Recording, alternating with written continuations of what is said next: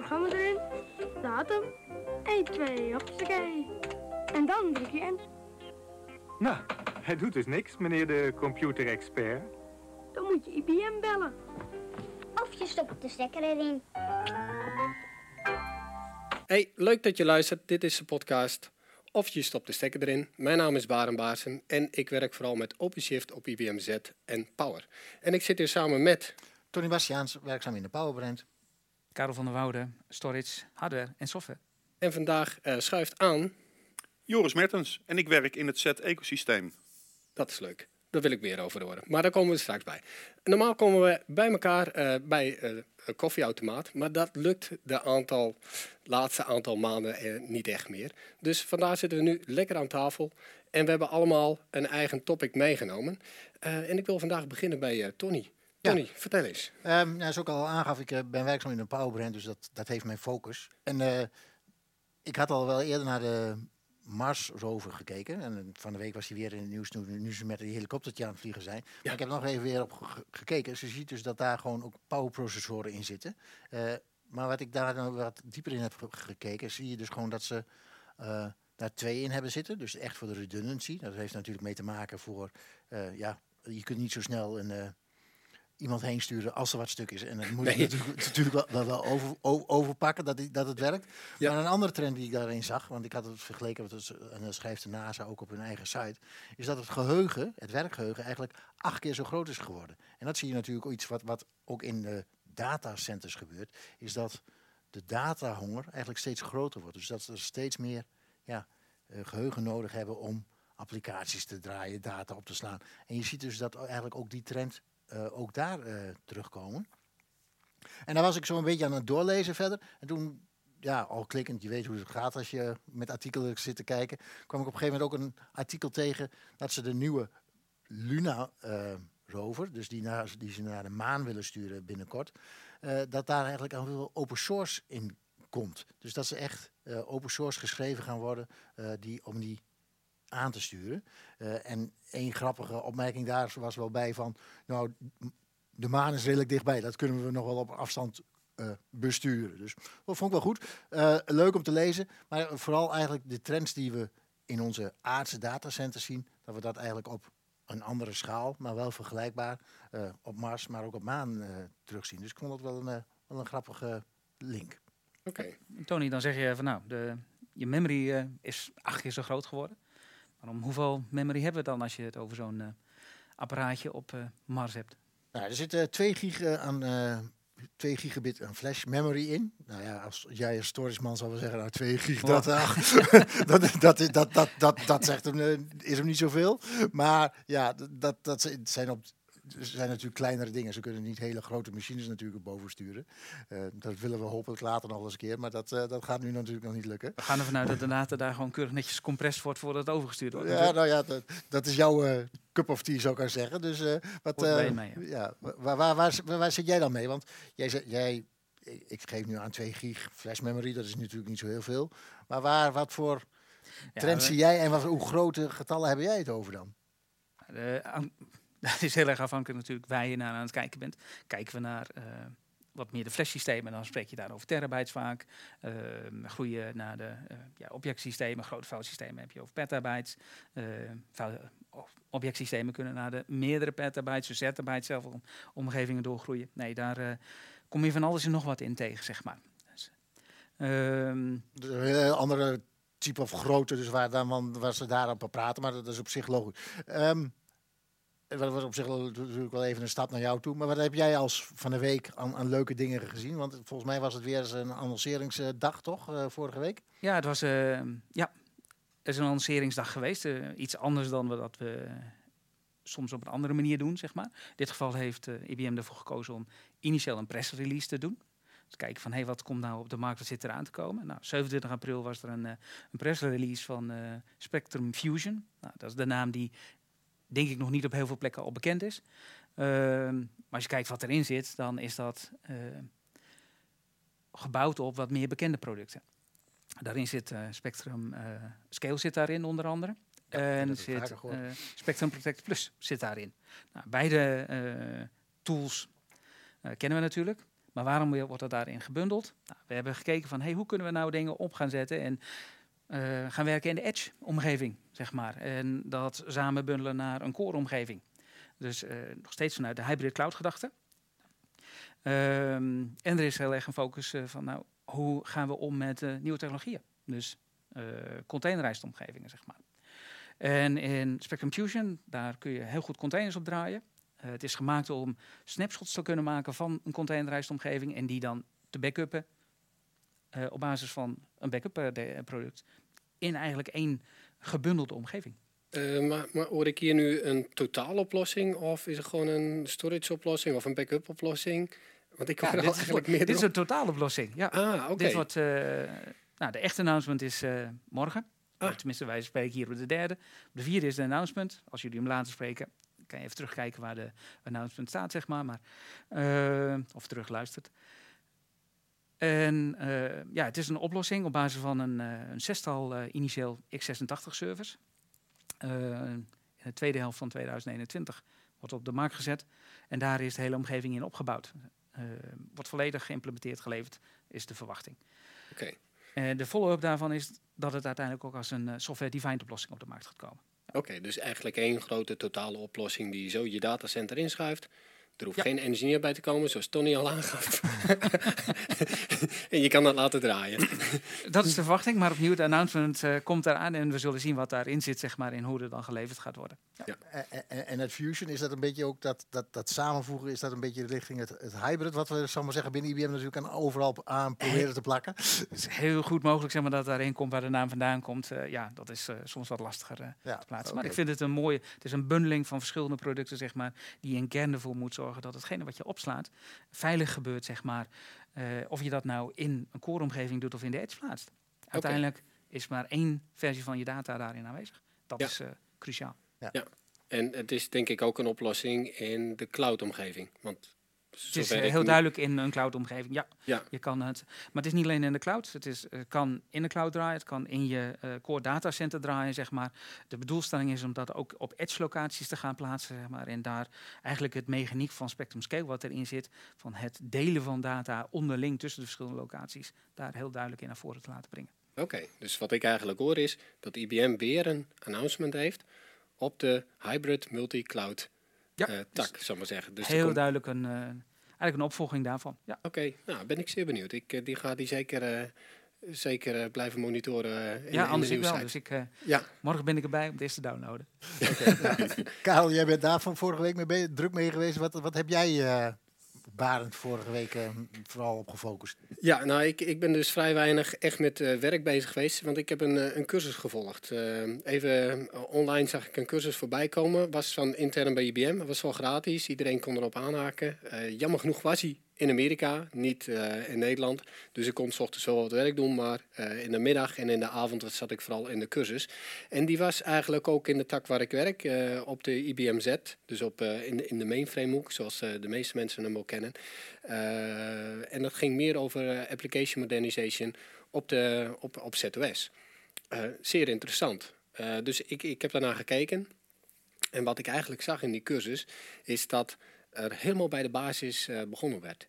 Uh, dus uh, wat is nu precies een, een ZOS-systeem? waarom draait dit OS erop? wat is de bedoeling van zo'n systeem? Waar kun je me best voor inzetten? En hoe ver is dit systeem al ontwikkeld? Want um, ja, praat je over een mainframe, dan moet ik, als ik op een verjaardag zit bijvoorbeeld en ik praat over mainframe of over die BMZ, dan zit iedereen maar aan te kijken van, is het een computer? Waar heb je het over? Draai die dingen nog? En dan moet ik eerst helemaal uitleggen wat dat dan eigenlijk is. Um, kan ook uitleggen dat jij jonger bent dan Z? Uh, nou, dat, dat is vaak, maar, vaak ook echt mijn eerste antwoord. Ja, van uh, ja, die is al een stukje ouder dan dat ik ben. Nou ja, dan, dat verwacht je eigenlijk totaal niet in de IT-wereld. Als je in de IT-wereld, dan wil je eigenlijk altijd met de, de nieuwste dingen samenwerken. Maar de mainframe is eigenlijk nog zo'n krachtig systeem. En ik zeg eigenlijk mainframe, maar eigenlijk moet ik zeggen IBM Z. Uh, dat het, het blijft een zeer interessant systeem. En daarom heb ik deze keer ook Joris gevraagd om aan te schuiven, om daar straks even iets over te vertellen. Maar ik wil even alle luisteraars sowieso erop wijzen van, hey, ga deze cursus volgen. Hij is gratis, hij is ook opgenomen. Dus ik zal in de keynote zal ik een hele mooie link uh, plaatsen voor alle mensen. om ook eh, alle replays te bekijken. Eh, het jammere daarvan is, is dat je dan niet meer de labs kunt doen. Want ik kreeg ook eh, netjes een inlognaam en een wachtwoord. Dus ik kon hele leuke labs eh, kon ik uitvoeren op een echte ZOS eh, IBM Z eh, systeem. Eh, heel leuk. En aan het einde heb ik ook een quiz eh, gedaan van 60 vragen. En eh, ik hoop dat ik de meeste vragen goed heb, want dan eh, verdien ik ook een badge. Dus eh, ja, ik ben zeer benieuwd. Ik krijg waarschijnlijk een deze dagen een mooi mailtje van of ik geslaagd ben of niet. En dan eh, kan ik ook laten zien dat ik eh, ook echt de IBM Z-kennis eh, beheers. Ehm daarom, Jij zegt hij is gratis, maar dat betekent je kan de cursus niet meer doen, want hij is al. Of komt hij nog een keer? Eh, ja, dat is een hele goede vraag. Eh, daar kan ik nog geen antwoord op geven. Ik heb, ben al wel in gesprek geweest met de moderators daarvan. Eentje daarvan is Joris en eh, de andere twee namen ben ik even kwijt, maar dat, daar heb ik Joris van mij genomen. Ehm, en daar hebben wij al een discussie gestart of we het ook in Europa kunnen doen. Want ja, die, die Amerikaanse tijden, dat, dat is, ja, als je al een, drukke ochtend hebt gedaan, dan is het niet zo, dan, dan lukt nou vaak nog wel één dag, middag en avond, maar we hebben ook allemaal een gezinnetje en dat lukt gewoon niet. Ehm, dus zo'n opname is leuk om terug te kijken, ook eh, voor eventueel eh, studenten. Uh, maar het is een beetje lastig om dat er even, even naast te doen. Dus uh, Joris, kun je om daar gelijk maar even op in te haken. Uh, heb jij daar al verder uh, onderzoek naar gedaan? Ja, zeker, zeker. Ten eerste, ik heb, je van, uh, ik heb jou natuurlijk goed in de gaten gehouden online. Oh. Want ik had, ik had wat meer rechten op binnen, binnen de uitzendingen binnen die week. Dus ik kon zien wat je aan het doen was. En hoe ver je was ja. met de labs. Dus je deed hartstikke goed. Oh, dus complimenten ja. ervoor. Um, nee, inderdaad. eerst, eerst te beginnen om, om te vertellen dat um, deze ZOS uh, basiscursus eigenlijk, die is ontstaan puur uit de vraag uh, om voor iedereen die dat wil, en natuurlijk zijn het met name de mensen die in de toekomst willen gaan werken op het IBM Z-platform, uh, of de mensen die door onze klanten, door de, door de IBM Z-gebruikers worden aangenomen en gerecruiteerd, om die een goede basis te kunnen geven van hey, wat is dat ZOS nou? Nou, ZOS is maar één van de vele operating systems die je op een IBM Z of een mainframe kan draaien. Um, en in dit geval hebben we dus uh, besloten om te focussen op puur dat ZOS operating system. Mijn collega heeft, dat, uh, heeft die uh, training ontwikkeld en, en die geeft hem dus ook. En we horen steeds vaker dat ook binnen Europa dat daar heel veel vragen naar is. Juist omdat die gratis is, omdat die heel makkelijk toegankelijk is. Uh, tijdens de training is er eigenlijk genoeg ruimte om op elk niveau je vraag te stellen. Um, en om die reden hebben we ook nu een beetje de hoop dat we hem na de zomer uh, kunnen gaan hosten in Nederland. Dus op Nederlandse tijden. Uh, uiteraard zullen we dat, uh, zullen we dat laten weten wanneer, dat, wanneer dat zal gaan gebeuren. ja, en nogmaals, het is, het is eigenlijk de beste start die je kunt hebben. Ja, en voor wie is deze cursus nou eigenlijk bedoeld? Eigenlijk voor iedereen met interesse voor IBM Z. En dan met name in dit geval op het ZOS-platform. ZOS, dat is het operating wat uh, uh, specifiek voor, uh, voor die IBM Z-omgeving ontwikkeld is. Heel lang geleden. Um, maar daarnaast hebben we ook nog andere trainingen die bijvoorbeeld meer inhoud geven aan, aan de Linux One, dus aan de Linux-distributies, die je ook op Z kan draaien. Of de, de applicaties en de tooling die je eigenlijk in de bredere IT-infrastructuur tegenkomt vandaag de dag. Dus denk hierbij aan, uh, aan Ansible, aan, aan, uh, aan OpenShift, aan containertechnologieën. Al die zaken die uh, integreer je ook naadloos op een IBM Z-omgeving. En daar hebben we ook weer specifieke trainingen voor. En, en ik, hoor jou nu, zal maar zeggen, alle moderne dingen langs horen komen. in combinatie met het mainframe. Voor heel veel mensen is dat niet logisch, want mainframe is oud. En, en ik hoorde Barend al zeggen, applicatie modernization op een mainframe. Is dat dan dat we zeggen van hey, het mainframe is wel modern? Of, of absoluut, absoluut. En het is eigenlijk ook de grootste misvatting. En het is uh, ja, zijn eigen succes is een ondergang. Want het is altijd het stille jongetje wat in het hoekje van het datacenter stil zijn werk staat te doen. En ontzettend veel transacties wegstand, ontzettend veel rekenwerk doet. Um, dus het is absoluut nog steeds een van de modernste platformen. En dus zeker in, in, in de omgeving van vandaag de dag, uh, die toch uh, in, uit een hybride omgeving uh, bestaat. In combinatie met, met cloud providers, een stukje, een stukje lokale data. Um, is het, vormt het juist het hart van zo'n omgeving. En het, ja, zoals gezegd, het integreert echt naadloos met elkaar. Okay. Ja, hoor je wel zeggen, het stille jongetje in de hoek. Maar nou, ik ben wel eens bij, dicht bij die machines geweest. Zo stil is die nou ook Nee, niet, nee, maar, nee. maar ik begrijp waar je heen wil gaan met- met het zeggen met het stille jongetje in de, in de hoek. Eh, Oké, ja. Ja, want om, om de link te maken richting jou, eh, Tony. Want je zei dat, eh, dat er dus ehm, eh, alles steeds meer dubbel uitgevoerd wordt. Dus er komen steeds meer de mensen in datacenters. Ehm, ik denk dat daar juist de, de IBM-Z-systeem echt een eh, hele goed, eh, goed voorbeeld van is. Ja, daar is hij echt op gebouwd. Eh, IBM Z, de, de, de Z staat ook voor Zero Downtime. En ik geloof dat wij 99,9 eh, bla bla bla procent uptime garanderen. Die machine is hardwarematig dusdanig redundant uitgevoerd dat eh, letterlijk de halve machine uit elkaar eh, kan vallen en, en zonder dat de eindgebruikers daar last van hebben. Eh, daarnaast zijn er heel veel faciliteiten beschikbaar, ook op, op, op de softwarelagen binnenin, dat op het moment dat er wat gebeurt of dat er iets dreigt mis te gaan, dat die automatisch met IBM in verbinding staat en dat er eh, een melding wordt gemaakt en, en dat er daarop een, een supportprogramma in gang wordt gezet. Eh, en zo kan het bijvoorbeeld zijn dat er ineens een engineer met een onderdeel voor de deur staat, terwijl je zelf niet weet eh, dat er iets mis is. Oké. En, en, en die, en die cursussen helpt mij dus echt ook om die basis te begrijpen, maar ook de verdieping te zoeken die ik daar eventueel wel in, in zou willen hebben. Dus Ja, het, is, het is niet alleen voor mensen zoals ik met, met nul kennis van Z, maar ook voor mensen die al wel, wel wat kennis hebben of er al eens eerder iets mee te maken hebben gehad, werktechnisch, eh, om daar een stuk verdieping in te pakken. Zeker, ja. Het- leuke van, eh, en dat was inderdaad de laatste keer, is, is mij opgevallen dat er heel veel mensen eh, aan, de, aan de cursus deelnamen die hem, de training of al een jaar eerder ook al hadden gevolgd. Of juist mensen die zeiden, hey, ik werk nu een tijdje binnen mijn bedrijf op dit platform.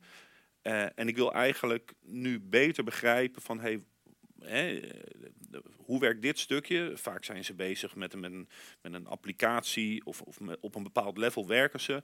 Eh, en ze willen juist begrijpen van, hé, hey, wat is nou de achtergrond daarvan? Dus inderdaad, het, het, het, het gaat ook zeker in op, op een dieper niveau dan alleen eh, voor, voor de beginner. Ja.